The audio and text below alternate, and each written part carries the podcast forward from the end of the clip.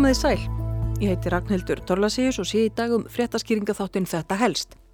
Ég er 44 ára, fætt 1978.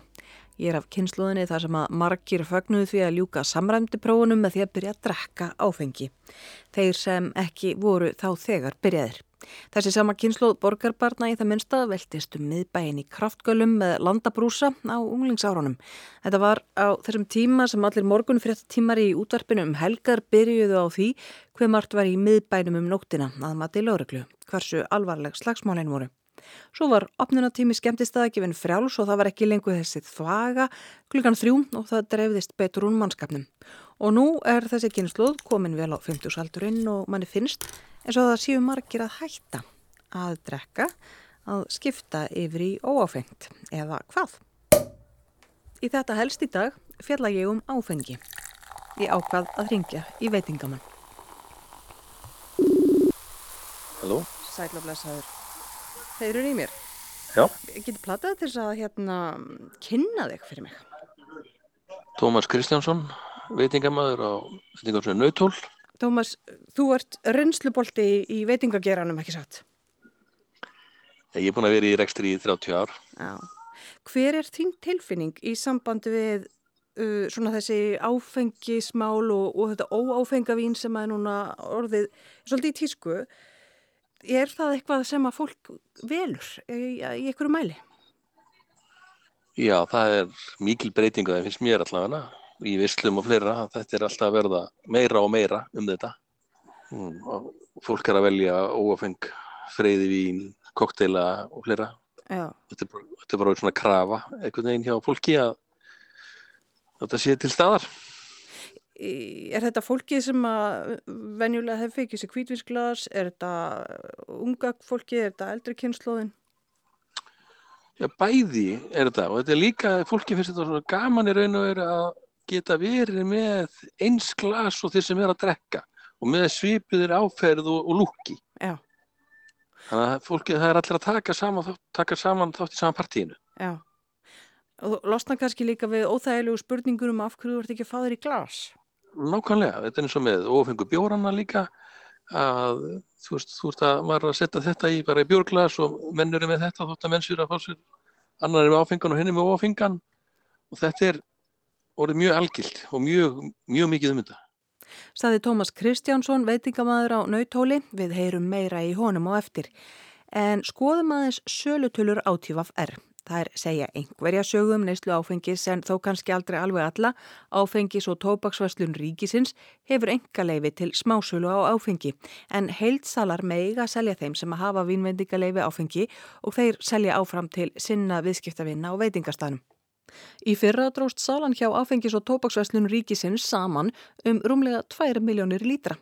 Það voru seldar 24 miljónir lítra af áfengi í fyrra en 26 miljónir lítra árið þar á undan. Samdrátturinn er 8,4%. Rauðvin virðist ekki verið í tísku allavega dróst salan á rauðvinni saman um rúm 16% og sala á hvítvinni dróst saman um 9%. Sala á lagerbjór dróst saman um 6,5% en það var umtalsvert meiri samdráttur í floknum aðrar bjórtegundir. Það er bleið 23% samdráttur og þetta kemur allt saman fram á vefsíðu átífafr og það er gert ráð fyrir að ólíkar aðstæður í samfélaginu skýri að einhverju leiti samdráttin í sölu og hér er væntanlega átt við COVID. Salan í ríkinu jógst nefnilega talsvert á COVID-tímanum. En samaburður á milli tveggja ára segir kannski ekki dúaðlega mikið. Hvað hefur verið selt mikið í ríkinu undan farin ár? Árið 2018 voru seldar 22 miljónir lítra, árið 2019 voru seldir tæpir 23 miljónir lítrar, árið 2020 voru seldir hátt í 27 miljónir lítra, árið 2021 dróst salan saman niður í rúma 26 miljónir lítra sem fyrr segir og í fyrra voru þeir komnir niður í 24 miljónir lítra. Þetta er samt ekki samdráttur í sölu áfengis í raun og veru þegar að til lengri tíma er leitið heldur raunveruleg aukning. 2020 og 2021 voru bara svo óvinnileg út af COVID, veitingastæðir mikið lokaðir og drikja fólks færðist í heimahús og viðskiptin frá veitinga og skemmtistöðum til átífaf-R.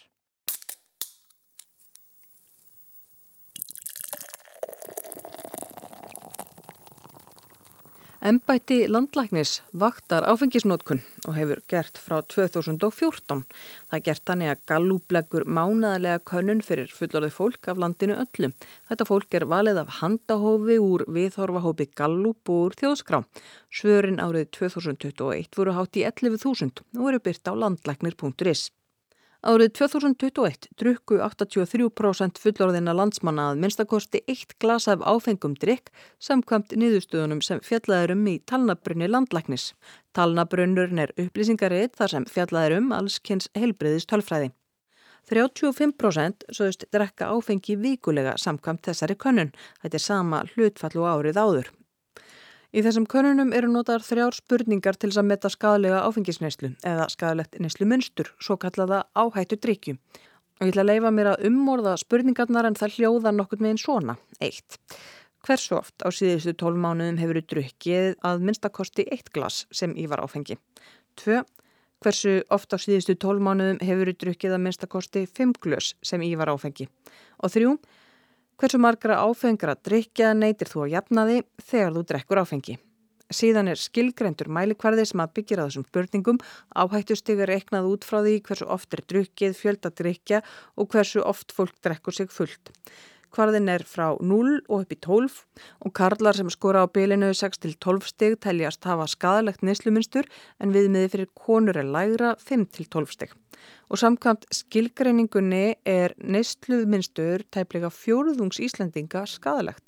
25% karla teljast stunda áhættu drikju og 20% hvenna.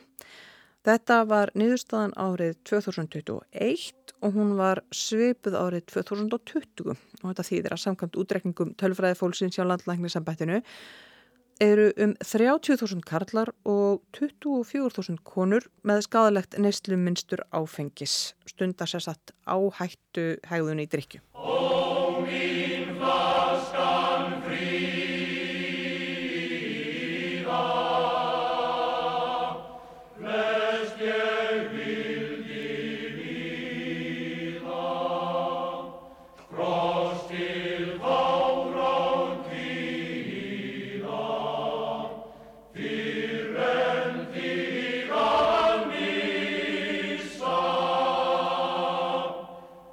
En þeim sem að drukku fimm eða fleiri drikki á einum degi og það er skilgreint sem ölfunadrikja, þeim fælkaði á milli árana 2019 og 2020. En ölfunadrikja jógst svo aftur árið 2021 og fór svo í svip að horfa fyrir COVID. Og karlar drekka sig oftar fulla en konur sem kanti niðurstöðunum. 55% karlar drukku sig ölvaða síðustu 30 daga áður en hann könnunin var lögð fyrir en 36% hvenna. Og það sem að meira er, tveir af hverjum þremur körlum á aldrinum 18 til 34 ára drukku sig ölvaða á þessum 30 dögum áður en að könunin var lögð fyrir eða 68%. En þegar kallarni voruðnir 55 ára og eldri að þá drekka þeir sig sjálfnar fulla mánaðalega, hlutfallið kominir í 42%.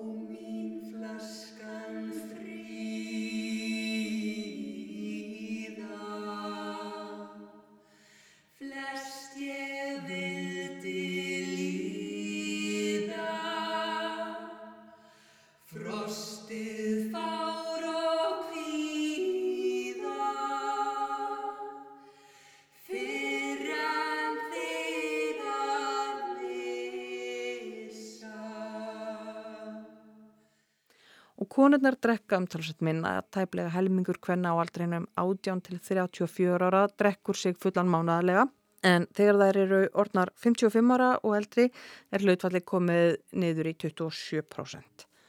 Og aðeins meira úr talnabrinni landlæknis því að niðurstöðu Gallups sína að það er samband á milli ölfunadrykju og andlegra líðunar og það er náttúrulega að koma mjög óvart eða það var munur á kynjónum.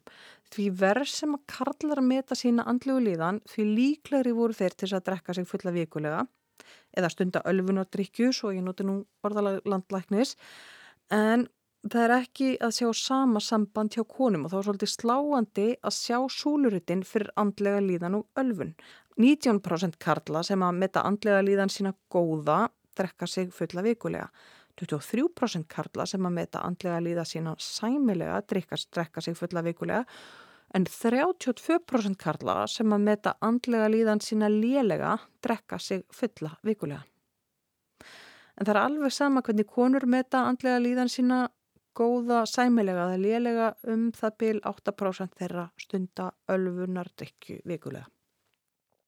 Og Sigurður Ólafsson, meldingar og livralæknir, hann var að því viðtali við fréttastofu stöða tvö dögunum við aukinni áfengisnæslu þjóðarinnar vegna skorpulivrar og annara kvilla henni fylgjandi og hann sagði að tíðni skorpulivrar hefði aukist mjög mikið undan farin ár og hann í félagi við fleiri lækna hafi á árunum 2010 til 2015 rannsakað nýgengi skorpulefur. Á þessu tímabili 2010-2015, 30 einstaklingar á ári, núna erum við að sjá í kringum 50, þannig að það er stöðug aukning og áframhaldandi.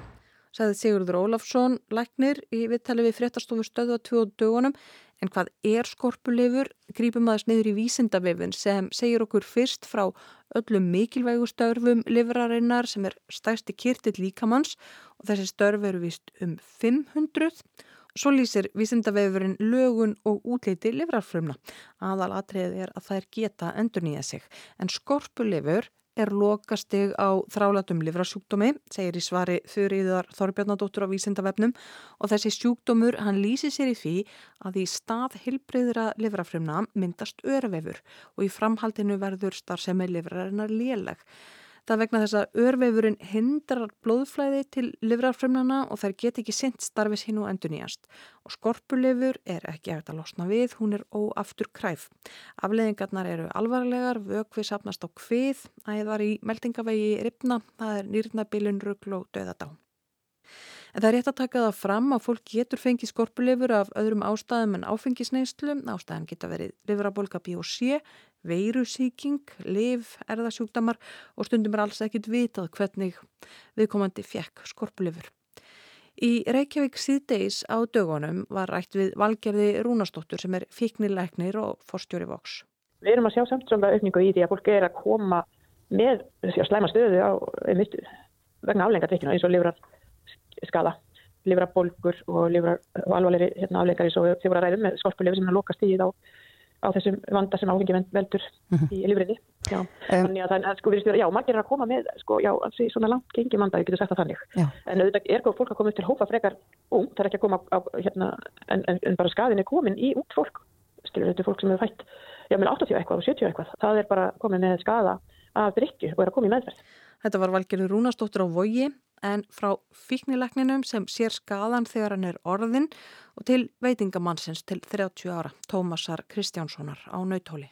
Finnst þér upplifir þú að það sé einhver breyting í gangi, sko sölutulur áfengis verðast sína það að aukni, það sé alltaf að aukast áfengisneisla en hver er þín tilfinning svona á gólfinu? Mér finnst þú alltaf að vera svipið en ég, það er náttúrulega við náttúrulega erum að fá náttúrulega gríðilega mikið magna túrista til hansins og það lítur að hafa ykkur áhrif. Ég, ég finnst þetta að vera svona samt ósku svipað en, en það er samt ég finnst ekki að vera að það er ekki meiri sala áfengi heldur en var.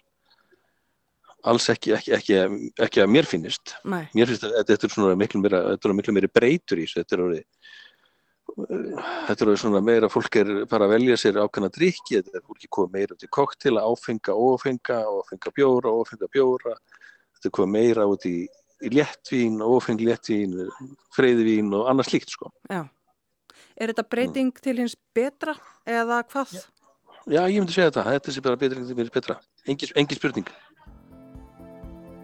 Þetta var Tómas Kristjánsson, veitingamæður á nautóli. Við heyrðum í honum valgerði Rúnastóttur og Sigurði Ólafsinni í þetta helst í dag sem fjallaðum áfengi. Ég heiti Ragnhildur Torlasíus, njótið helgarinnar með það án áfengis. Heyrumst á mánudaginn með þið sæl.